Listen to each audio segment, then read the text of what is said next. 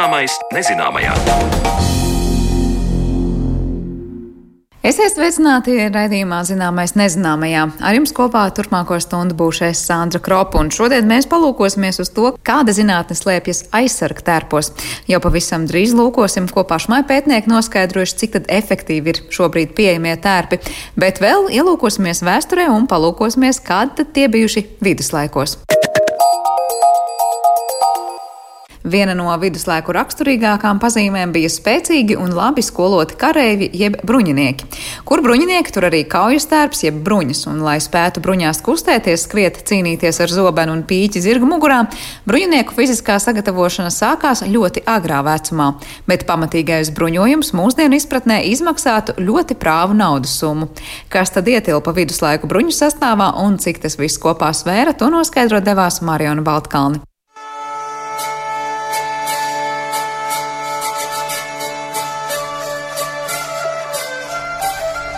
Laiku starp 11. un 14. gadsimtu bieži vien mēdz saukt par bruņnieciskuma laikmetu.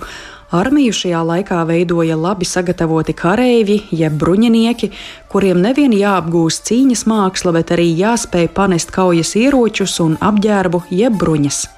Par bruņniecību Latvijas teritorijā mēs varam runāt no tā brīža, kad tiek izveidota Livonijas zeme, un karaspēka vienībās lielā skaitā ietilpa vietējie iedzīvotāji - līvi, kurši, zemgaļi, letija, blatgaļi, sēļi un igauņu mastautas. Savukārt Livonija iekļāvās vācu ordeņa sastāvā, un nereti ordenis vietējos vīrus apgādāja ar ieročiem un bruņu elementiem. Ar vācu ordenim raksturīgajiem kaujas tērpiem iepazīstina vēstures izpētes un rekonstrukcijas kluba Rodenpois no robežu novada biedrs Uģis Urtāns. Ņemot vērā, ka principā visa šī bruņniecība, kas ienāk šajā reģionā, vairāk vai mazāk viņi tomēr nāk no Rietumē Eiropas, tas lielā mērā varētu arī noteikt šo te, uh, bruņu modi, kāda tajā laikā šeit ir.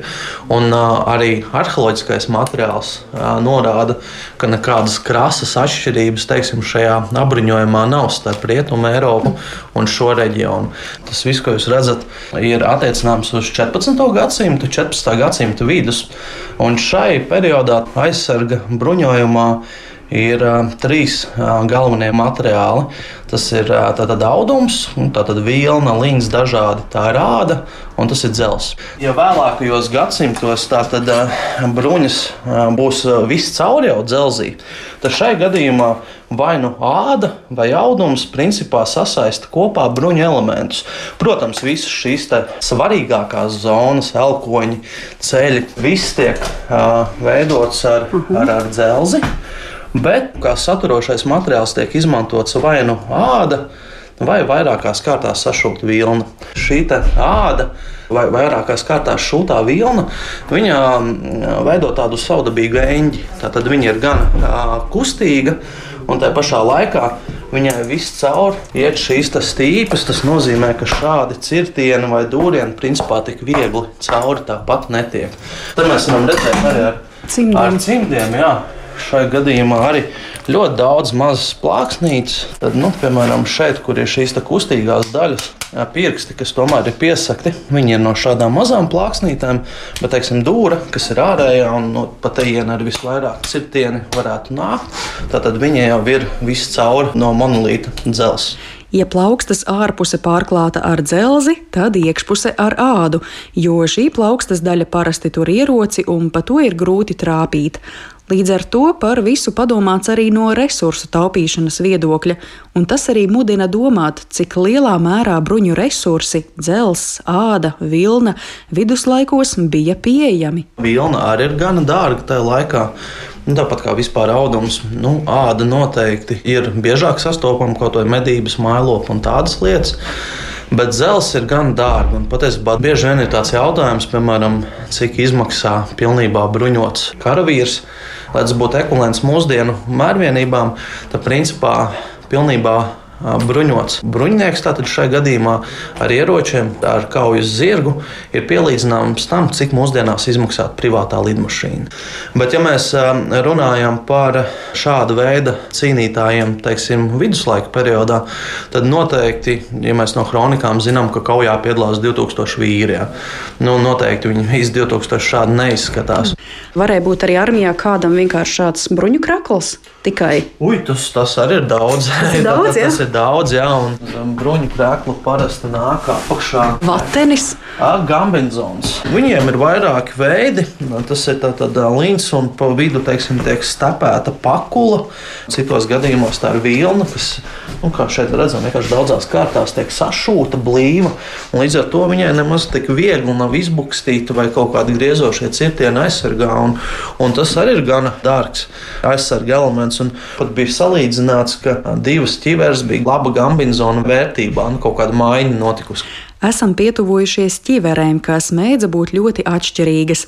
Te acu priekšā var uzbūrt ainu gan ar tādu ķiveri, kur bruņinieka seju sargāja nolaižams vizieris, gan lielam spainim līdzīgu ķiveri, kas liekama virsū iepriekš minētajai, arī tādu ķiveri, kur bruņinieka kaklu sargā važiņas, un ķiveri, kas līdzinās graznai platmalei. Šī ir tāda tā tipiska basene tipa bruņsapura principā kavalērijas.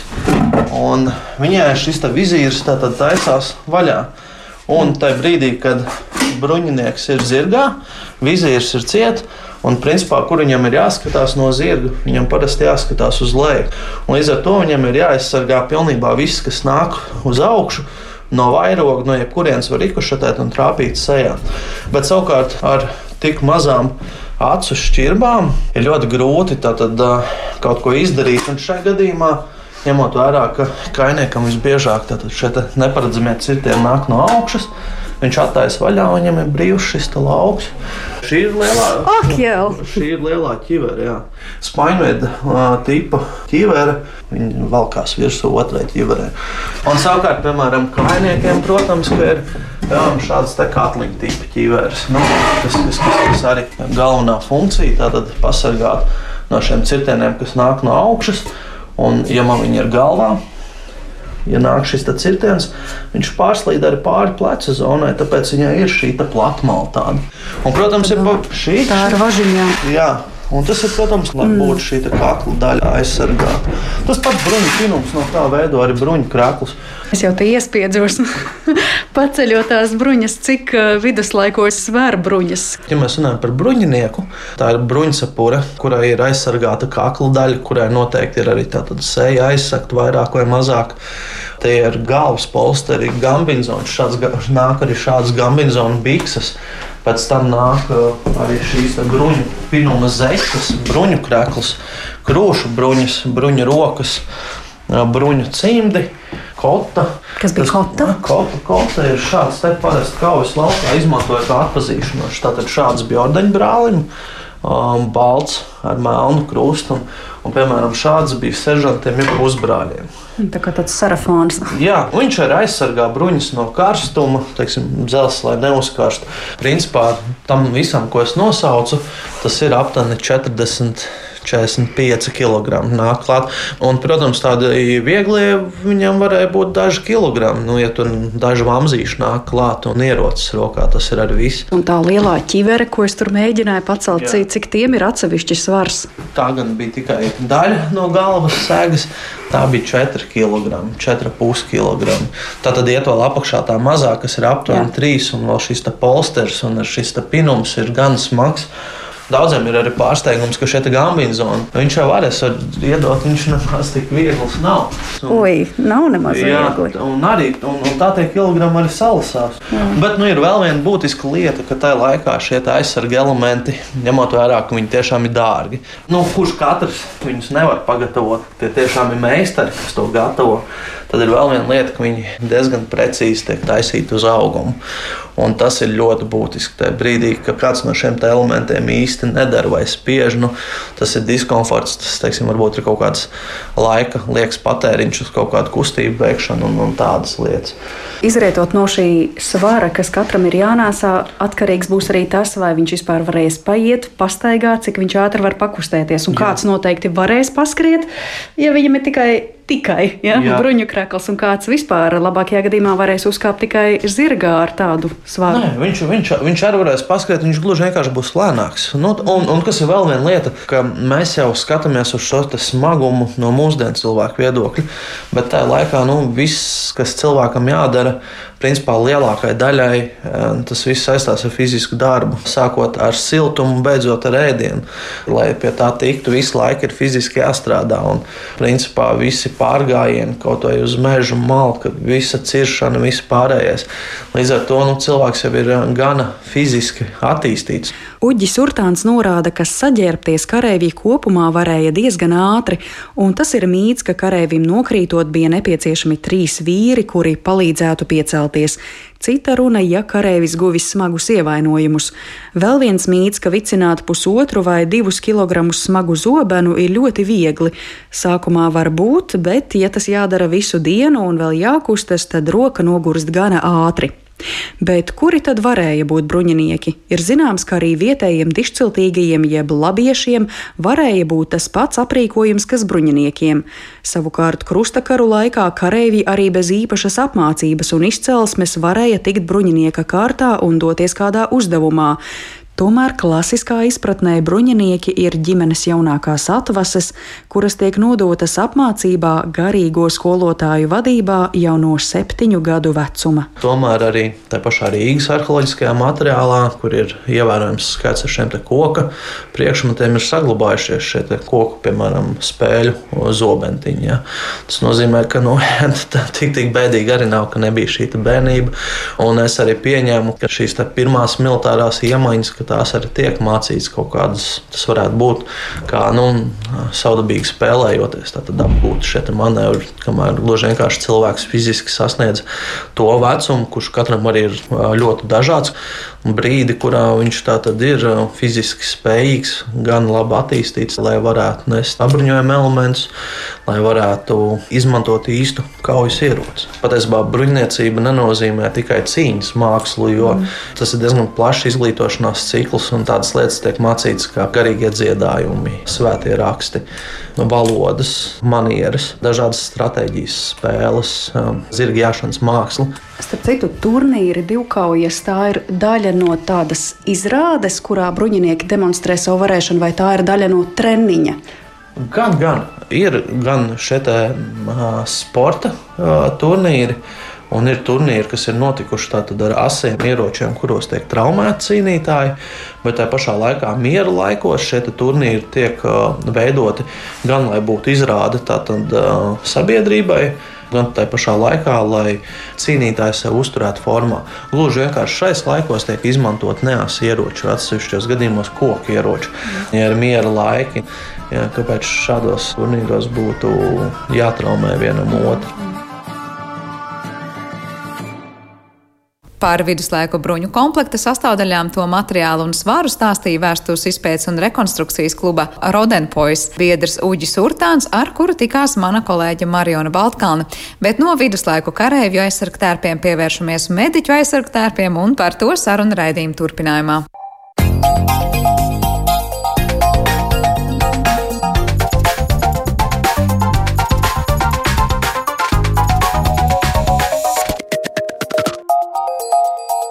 Zināmais nezināmajā. Mediķiem, kur ikdienā strādā Covid-19 aizsargtērpos, darba dienai vajadzētu būt īsākai. Vismaz tāds ir viens no secinājumiem, kas radies Rīgas Tradiņu universitātes zinātniekiem, pētot šos tērpus un to, kā tie ietekmē ārstu fizisko pašsajūtu. Par šī pētījuma rezultātiem un arī to, kā vēl speciālie darba apģērbi ietekmē darbiniekus, kam tie nepieciešami, tad mēs runāsim arī runa, raidījuma atlikušajā sadaļā, jo mūsu attālinātajā studijā esam aicinājuši Rīgas Tradiņu universitātes rehabilitācijas fakultātes profesoru, rehabilitācijas galveno galveno speciālistu Rīgas Austrum Kliniskās Universitātes slimnīcā Aivaru Vētru, arī asociēto profesoru un šīs pašas augstskolas darba drošības un vidas veselības institūta direktoru Ivaru Vanadziņu, kā arī fizioterapeiti un Rīgas Stradiņa Universitātes rehabilitoloģijas laboratorijas pētniece Dārta Valčūna. Labdien jums visiem! Labdien! Es sākšu vispirms ar jautājumu, ko tad īsti esat pētījuši un apzinājuši. Un vai tieši tā, varat teikt, ka nu, aizsargtērpi, kādos šobrīd strādā mūsu mediķi un arī citu personāls, patiešām ir tā kā palikt zem lupas un paskatīt, cik tie ir labi, slikti, atbilstoši vai mazāk atbilstoši. Es nezinu, sākšu varbūt Ivar ar, ar, ar, ar to, kas tas ir bijis par pētījumu. Jā, nu varbūt es ieskicēšu to kopējo bildi, un tad mēs nonāksim pie detaļām. Tā kopējā bilde, šis bija viens no tiem valsts pētījuma uh, programmas projektiem uh, pagājušā gada otrā pusē, kas noritēja Latvijā ar un par un ap Covid. Uh, un, un visu ar to saistīto. Un šis ir patiesībā tāds nu, liela pētījuma maza daļa, par kuru mēs šodien vēlamies runāt, vai ir ieplānots runāt. Uh, kopā ar to galveno partneri Rīgas Tehnisko universitāti. Mūsu mērķis bija, nu, starp daudzām citām lietām, palūkoties arī gan uz aizsargu maskām, par kurām tas šodien nē, gan arī uz aizsargu tērpiem tieši kontekstā, vai viņi ir. Vai vispār palīdz, pirmkārt, jā, kādiem viņiem būtu jābūt, kas ir tas ideālais, un tad arī, nu, kas ir pašlaik jā, faktiski tirgu pieejams. Un, uh, vai viņi ir ērti, izmantojami, praktiski lietojami, piemēroti tām profesijām, kurām viņas pašlaik ir tā masveidā jālieto. Jo, jo būtībā jau līdz šim nu, arī kolēģi ārsti, ārstu vidū ir teikuši, ka nu, tāda aizsargtāja uzvilkšana tas bija tāds nu, vienreizējs piedzīvojums reizes piecos gados, tā intereses pēc. Ja, daudz kolēģi, kam ir nu, ciešāks kontakts ar Covid pacientiem, lieto viņas dienā. Tā ir nu, dažna pilnīgi, pilnīgi cita pieredze. Uh, Un arī attiecībā uz prasībām pret tērpiem, ja, teiksim, uzvilkt vienu reizi piecos gados ir viens stāsts, strādāt 8 vai 12 stundas tēr, šādā tērpā ir kaut kas pilnīgi savādāks. Līdz ar to tā mūsu vēlēšanās bija nu, saprast, kādi viņi vispār ir, vai viņi ir labi piemēroti, ja, tad saprast metodi, kā varētu viņus novērtēt, ja, nu, to viņu ērtumu, labumu, aizsardzības līmeni un visu pārējo. Un tad arī, protams, ne tikai pateikt, ka viss ir slikti, kas vienmēr ir vilinoši un vienkārši, jā, bet pateikt arī, kā tad būtu jābūt. Un ko vajadzētu ievērot un ko vajadzētu darīt. Un jautājums, varbūt viss ir slikti un kā būtu jābūt, vai kaut kas jau ir arī labi tajos tērpos. Kāda ir tie secinājumi? Uh, Ziniet, tur laikam vien, ka dārsti kā reālā, viena no tādām reālajām lietotājiem un arī tā, kura piedalījās pats šajā testēšanā, nu kā, kā eksperimenta trusītis, ja, uh, droši vien teiks, ka visi tomēr nepārāk labi, jo, jo no pat tas galvenais secinājums par to esošo situāciju, nu, ļoti īsi runājot, tiešām bija tāds, ka uh, nu, tādai vismaz veselības aprūpei un, un, un teiksim, funkcionāliem speciālistiem, kuriem ne tikai ir tā, jāstāv kameras priekšā un labi jāizskatās, bet reāli arī jāstrādā, nu, tas pacients jākustina vai jāveic manipulācijas, bieži vien sarežģītās pozās jā, un pozīcijās. Nu, tad tie esošie tērpi faktiski ir diezgan slikti. Tā pieklājīgi akadēmiski izsakoties gan attiecībā uz to izmēru, uh, veidu, kā, kā viņi vispār tiek ražoti, gan attiecībā uz to, kā, nu, kādu kustību amplitūdu viņi pieļauj. Nu, ņemot vērā, ka veselības aprūpē ir daudz tādu tiešām kustību ar nu, pilnā, pilnā amplitūdā, no, no, līdz, no, no dziļas pieliešanās līdz pilnai, pilnam izstiepienam, ja, un pa vidu daudz citu pozu. Tā kā faktiski tam, tam viņi nav īsti piemēroti, un, un, protams, ka arī tāda viena milzīga problēma ir viņu materiāli, ja, jo faktiski viņi ir vairāk tiešām ir tikuši ražot līdz šim tādai, nu, tādai ķīmiskajai rūpniecībai, nezinu, autokrāsošanai, celtniecībai, nu, tādām nozarēm. Ir tādai veselības aprūpei piemēroti, pārdomāti, efektīviem materiāliem, tādu faktiski mums nu, no, no tirgu esošiem modeļiem tā īsti neizdevās atrast. Jā, es gribēju jautāt par to, cik ļoti efektīvi tie ir, lai pasargātu tiešām tos cilvēkus, kas tos ir uzvilkuši. E, nu, piemēram, mēs varam salīdzināt ar to, kādus izmanto laboratorijās, kur tiešām jāievēro diezgan augstie standarti un prasības, lai tiešām tur, tur neko neienestu un neko nepaņemtu, strādājot varbūt ar kādām īpaši bīstamām, nezinu, mikroorganismu daļiņām.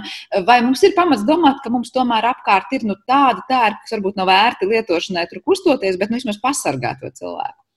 Zini, tur ir tāda, tā, diemžēl, arī īsa, īsa atbilde arī būtu īsti nē, jo tā lielā problemātika arī nu, mums kopā ar kolēģiem no RTU tos materiālus arī papētot, un, teiksim, gan attiecībā uz viņu gaisa caurlaidību, gan to ķīmisko sastāvu, filtrējušiem efektiem. Nu, faktiski tur ir tā, ka tur ir tās divas galējības. Ja tas apģērbs, ja gribam, lai viņš pret visu aizsargā, tad viņš faktiski ir tik blīvs, ka viņš neko cauri īsti nelaiž. Nu, tā skaitā arī, protams, mikrobus un mikroorganismus un vīrusus. Bet tādā faktiski ir gandrīz nereāli pastrādāt ilgāku laiku, kā nu, dažas minūtes, vai pat pusstundu vai stundu. Vai ir otra galējība, kad viņi ir tādi tīri kosmētiski, nu, tādus lielos, nu, kāds tur atvainojiet uzvēmi vai asins uzrakstās, ar to noņemt nost, ja to, to nu, tādu tīri higiēnisku apsvērumu teikt. Bet tad viņi savukārt pilnīgi noteikti neaizsargā pret vīrusiem un baktērijām un mikroorganismiem. Ja, tās divas galējības un to kompromisu atrast pa vidu faktiski ir, plus vēl viņam jābūt elastīgam, ja tā, tā, tā materiālam tādu kompromisu atrast faktiski ir ārkārtīgi grūti. Jā, paldies par tādu ieskicējumu. Es eh, jūtu, ka arī Aivaram ir ko teikt. Laikam jautāšu arī jums, nu kāds ir tas secinājums, vai šobrīd ir tā kā, kā izskanējis eh, viens no secinājumiem jāstrādā mazāk stundu skaits šādos tērpos. Jā, nu, protams, mēs eh, sākot šo pētījumu, mūsu interese bija par to, kā šie, eh, kā šie tērpi, cik daudz šie tērpi nodrošina fizioterapeitiem un citiem rehabilitācijas tieši speciālistiem eh, vajadzīgo kustību brīvību, bet pētījuma laikā mēs Eh, saskarāmies ar to, ka šī kustība brīvība faktiski ir vajadzīga daudz lielāka nekā, teiksim, ja drīkst tā izteikties, standarta metinātāji pozai, kur kustās mazliet tikai roku un stāvs ir cilvēkam sastindzis, ka šāda kustība brīvība, protams, ir vajadzīga arī māsu palīgiem, kas groza smagos pacientus, medicīnas māsām, kas iesaistās pacientu aprūpē, eh, viņa higiēnas nodrošināšanā, visā pārējā. Un, un no otras puses, arī skatoties literatūru, ir maz pētījumu vispār par šo tēmu pat pasaulē. Tātad tas nav tā, ka tikai Latvija nebūtu domājusi par, ehm, par šādiem specializētiem fizioterapeitiem, medicīnas māsām, māsām palīgiem un, un citiem kustīgiem mediķiem domātiem tērpiem, bet tā faktiski ir tāda arī pasaules problēma. Jo, kā jau profesors Vanaziņš teica, līdz šim e, šī tērpa uzvilkšana, ja neskaita atsevišķas epizodes Āfrikā un vēl kaut kur, tā bija tāda epizodiska lieta. Un tāpēc e, par, par tērpiem runājot, nu, protams, ka tērpam pirmām kārtām ir jāaizsargā pret šo vīrusu infekciju. Un tā droši vien ir pirmā lieta, jo ja tērps to nenodrošina, nu, tad es pieņemu, drīz vien varēs maksāt, cik grib valdība un slimnīcas vadītāji mediķiem, bet e, cilvēki, kas ies iekšā šajās nodaļās, vienkārši nebūs. Tā kā tas, vai tērps aizsargāt, tas ir jautājums numur viens.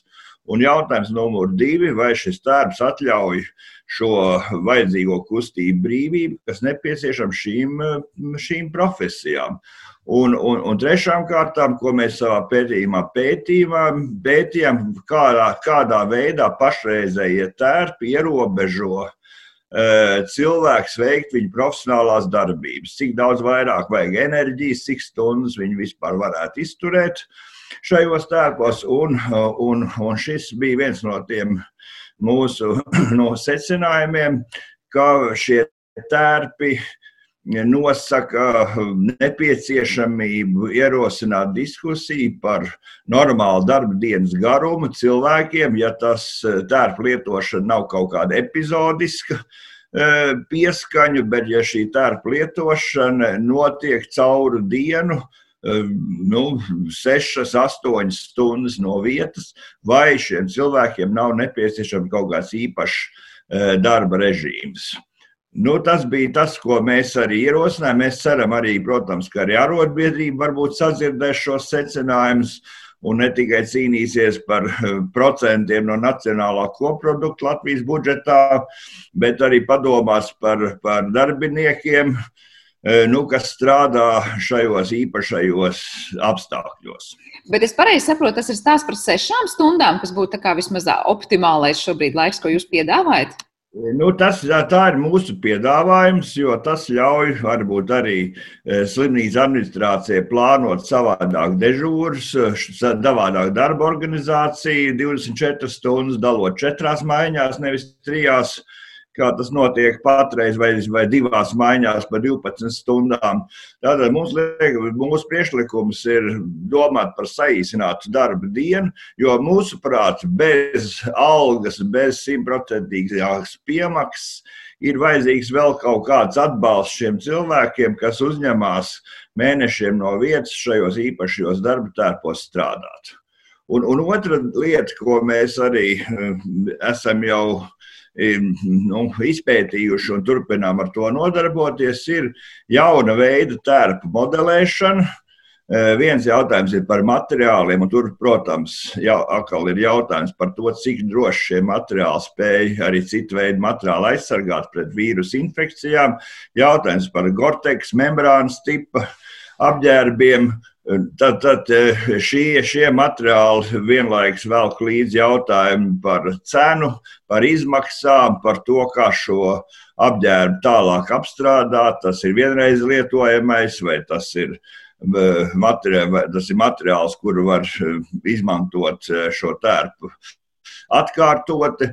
Un Tad ir jautājums tālāk arī par modeli. Kādā veidā modelēt šo tērpu, lai tas tiešām pieļautu šo pietiekošo kustību brīvību, par ko droši vien var arī eh, ar personisko pieredzi padalīties mūsu kolēģi Dārta.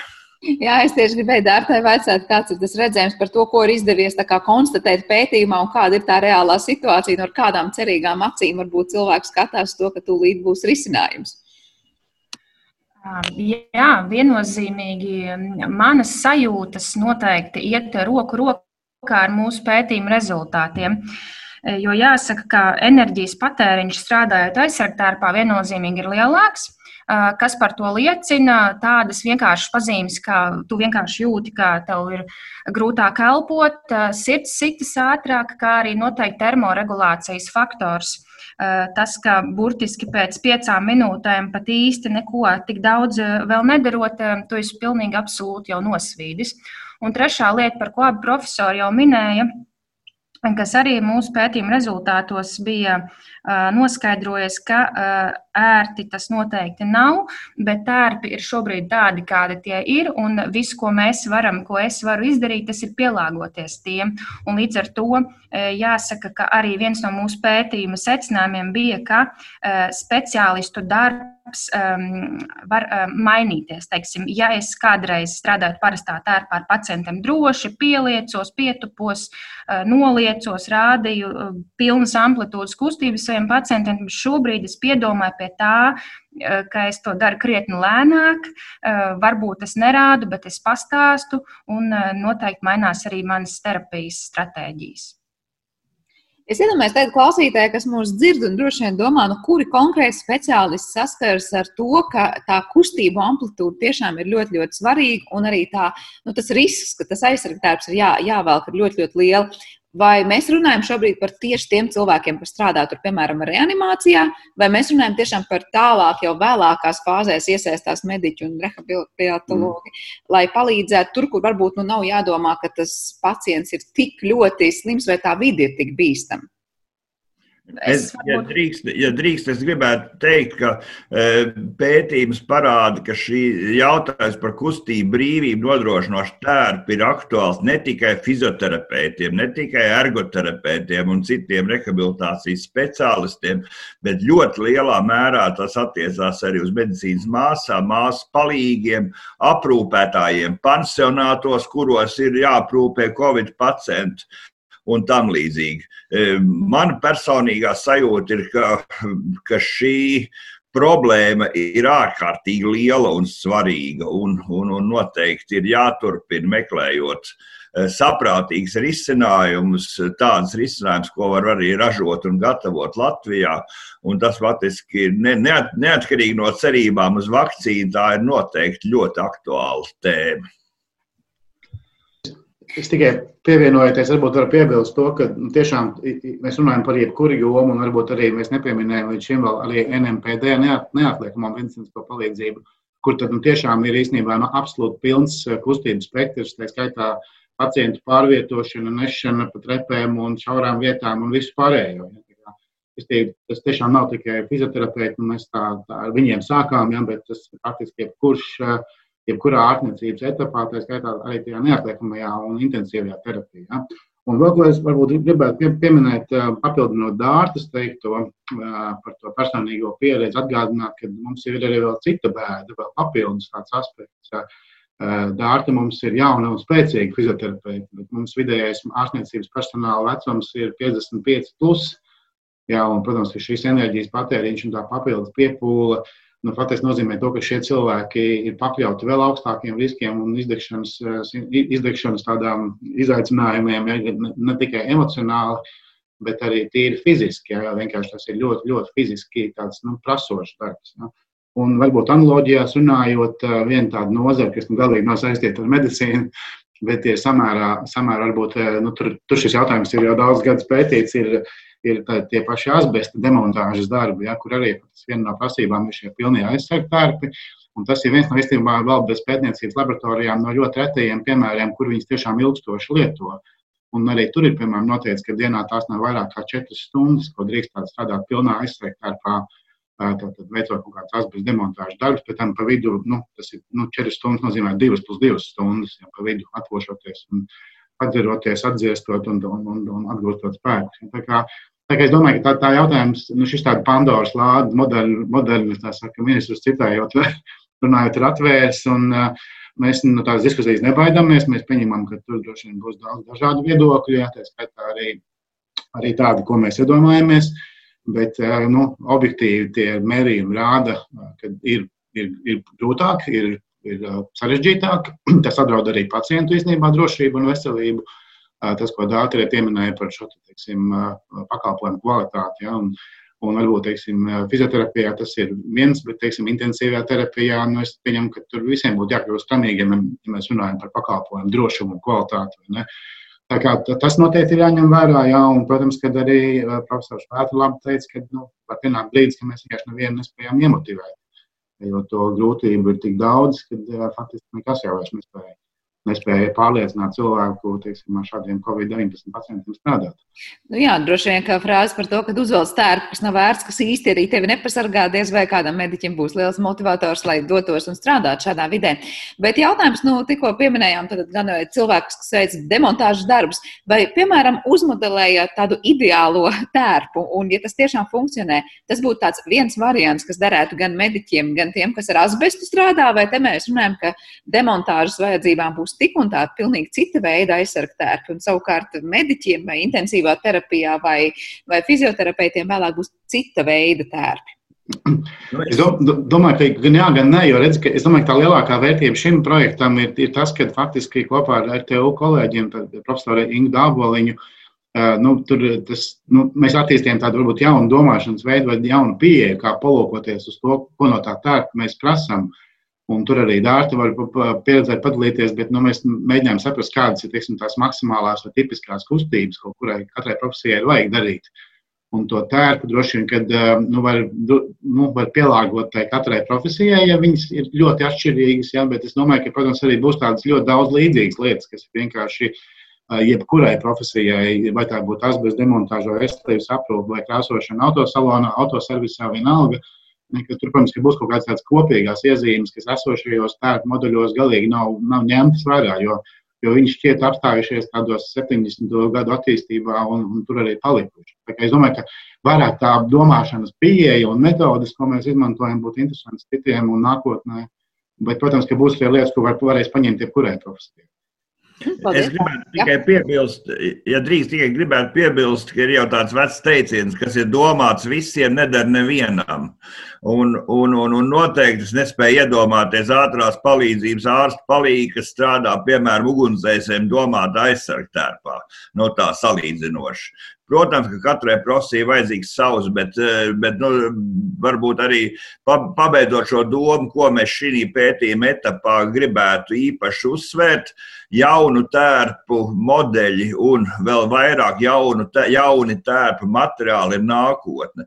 Bet, manuprāt, mums ir jāizdara tas, ko mēs varam izdarīt jau šobrīd, apzinoties to, ka vēl droši vien gadu un gadiem varbūt pat būs jāstrādā tajos tērpos, kas šobrīd ir.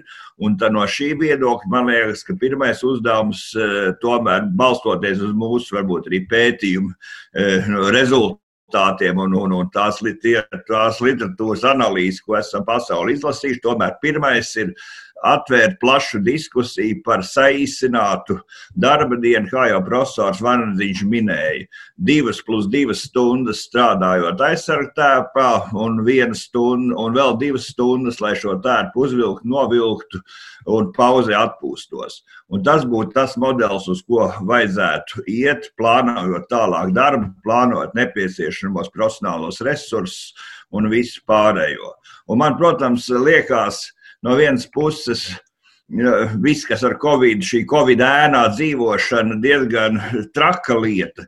No otras puses, nu, tas ir beidzot parādījis sabiedrībai un politiķiem to, par ko jau gadiem mediķi runāja, ka būs brīdis, kad nebūs kas strādā, un kam neviens visā plašajā Latvijā neticēja, negribēja ticēt, ignorēja un tā tālāk. Sākot ar rezidentu vietu skaitu, uh, medicīnas studijām un, un, un daudzām citām lietām, par ko jau mēs gadiem esam nu, cēluši kaut kādā veidā trauksmi, bet neesam sadzirdēti. Jā, to, ka Covid mums ir izgaismojis daudzas problēmas un arī parādījis iespējamos arī tādas nu, grūdienas, kā meklēt risinājumus. Par to, protams, šaubu nav. Dārtē droši vien ir ko, ir ko piebilst pie tikko minētā par to, kādam jābūt tam tērpam un kāda ir tā vīzija par to, ko konkrēti tajā mainīt. Eh, es gribēju papildināt to, ko profesori teica, eh, varbūt nedaudz citā aspektā, ka mēs nezinām, cik ilgi mēs tā vēl dzīvosim. Mēs nezinām, cik ilgi vēl mums būs tieši šādos tērpos jāstrādā. Un eh, es personīgi varu teikt, ka, ja es zinātu, ka man kaut pusgads šādi būtu jāstrādā, nu, es krietni apdomātu patiešām, vai es to tā spētu turpināt. Līdz ar to papildinot par to, ka mediķu skaits tā jau ir salīdzinoši mazs, lai mēs tiktu galā ar to, kas, ar ko mums jātiek. Tad liels risks noteikti ir mediķiem pēc tam būt ne īpaši veseliem no šiem darba apstākļiem.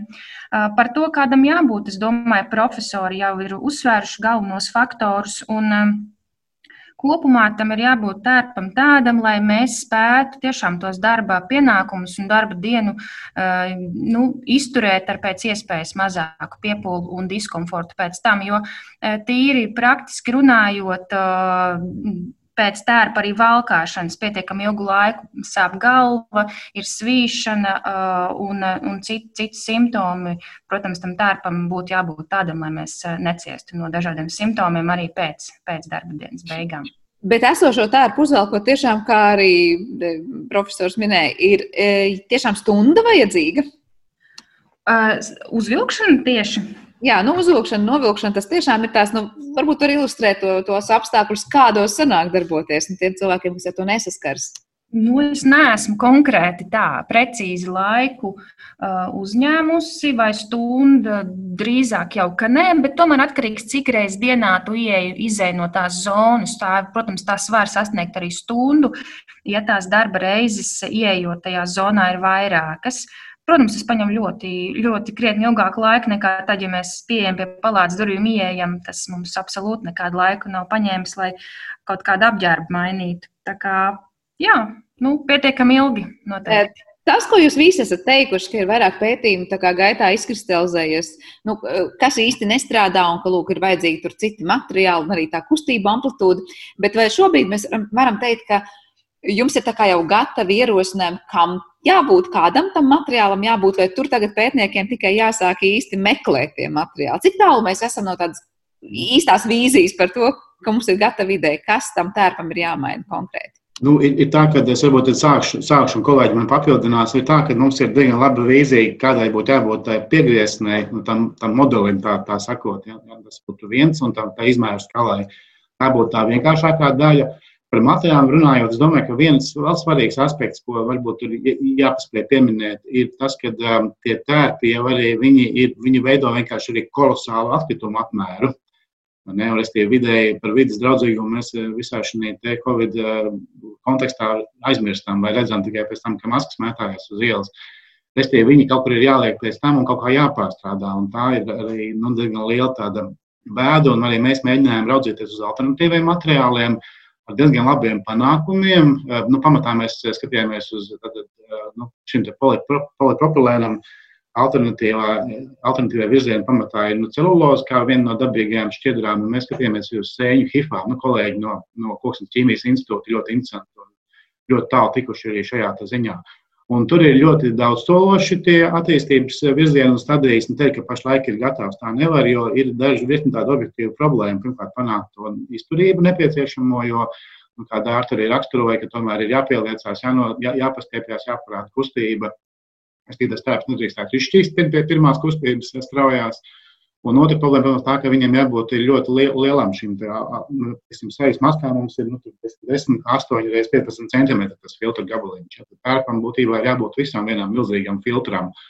Tas nozīmē, ka viņš, diemžēl, var nebūt arī nesanāk pārāk lēts. Kā jānobalansē starp izturību, cenu, vidēji draudzīgumu un, un, un, un vēl šo to citu. Ja?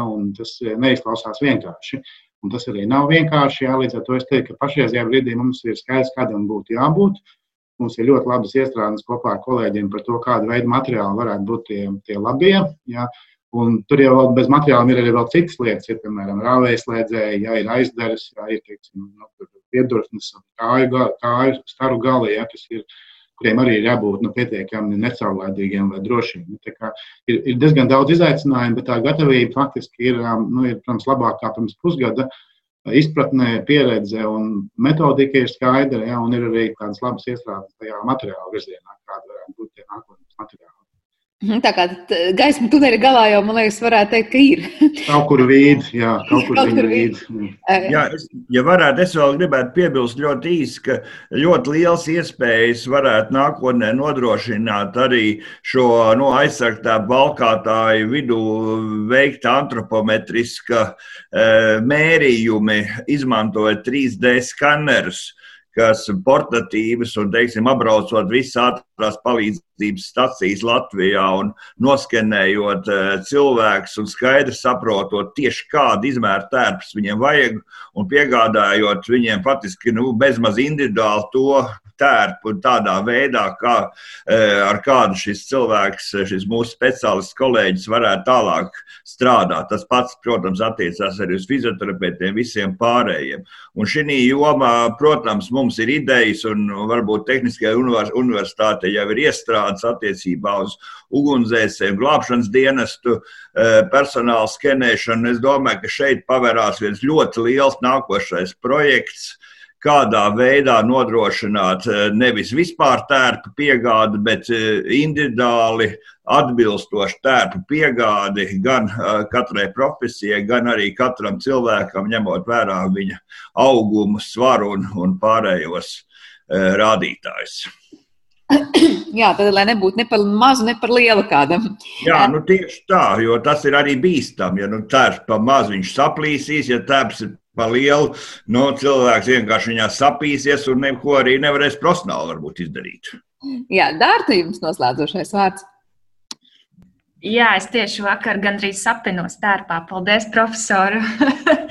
Bija tāda situācija, Jā, nu, profesori būtībā jau galveno pateica par tiem izmēriem. Tas arī būtu ļoti svarīgi, jo tas ietekmē visas iepriekš minētās lietas par termoregulāciju, ērtumu un kustību brīvību. Uh, Tā kā ar cerību nākotnē skatāmies.